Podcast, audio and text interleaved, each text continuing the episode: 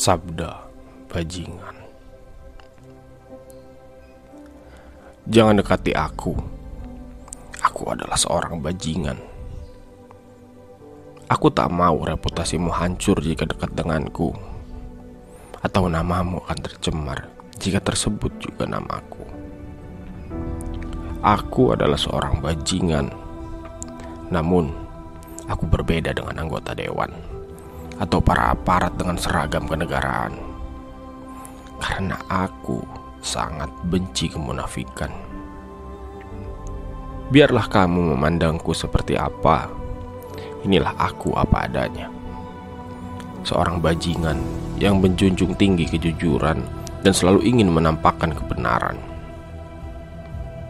Aku sama sekali tak suka kebohongan.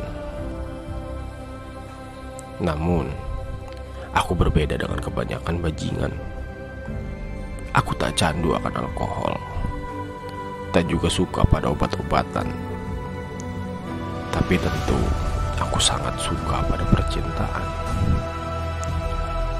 Aku adalah seorang bajingan yang tak pantas akan surga, namun takut pada neraka yang mendambakan kebebasan, namun penuh dengan keterbatasan.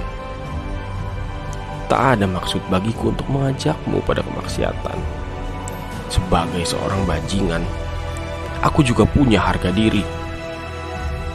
Biarlah kamu tahu siapa aku sebenarnya. Biarlah semua orang tahu bagaimana aku yang sebenarnya. Biarlah kalian semua tahu batasan apa yang pantas ketika bersamaku.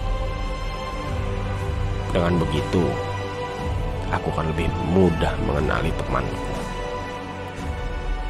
Mereka adalah orang yang ada di sampingku setelah mengetahui kebenaran dalam hidupku. Bukan orang-orang yang sama sekali tak tahu apa-apa tentang aku dan hidupku. Setelah mengetahui aku dan segala kebenaran dalam hidupku, ku persilahkan jalan di sebelah sana untuk menentukan pilihanmu. Terakhir, ada pertanyaan yang ingin ku sampaikan padamu. Apa definisi bajingan menurutmu?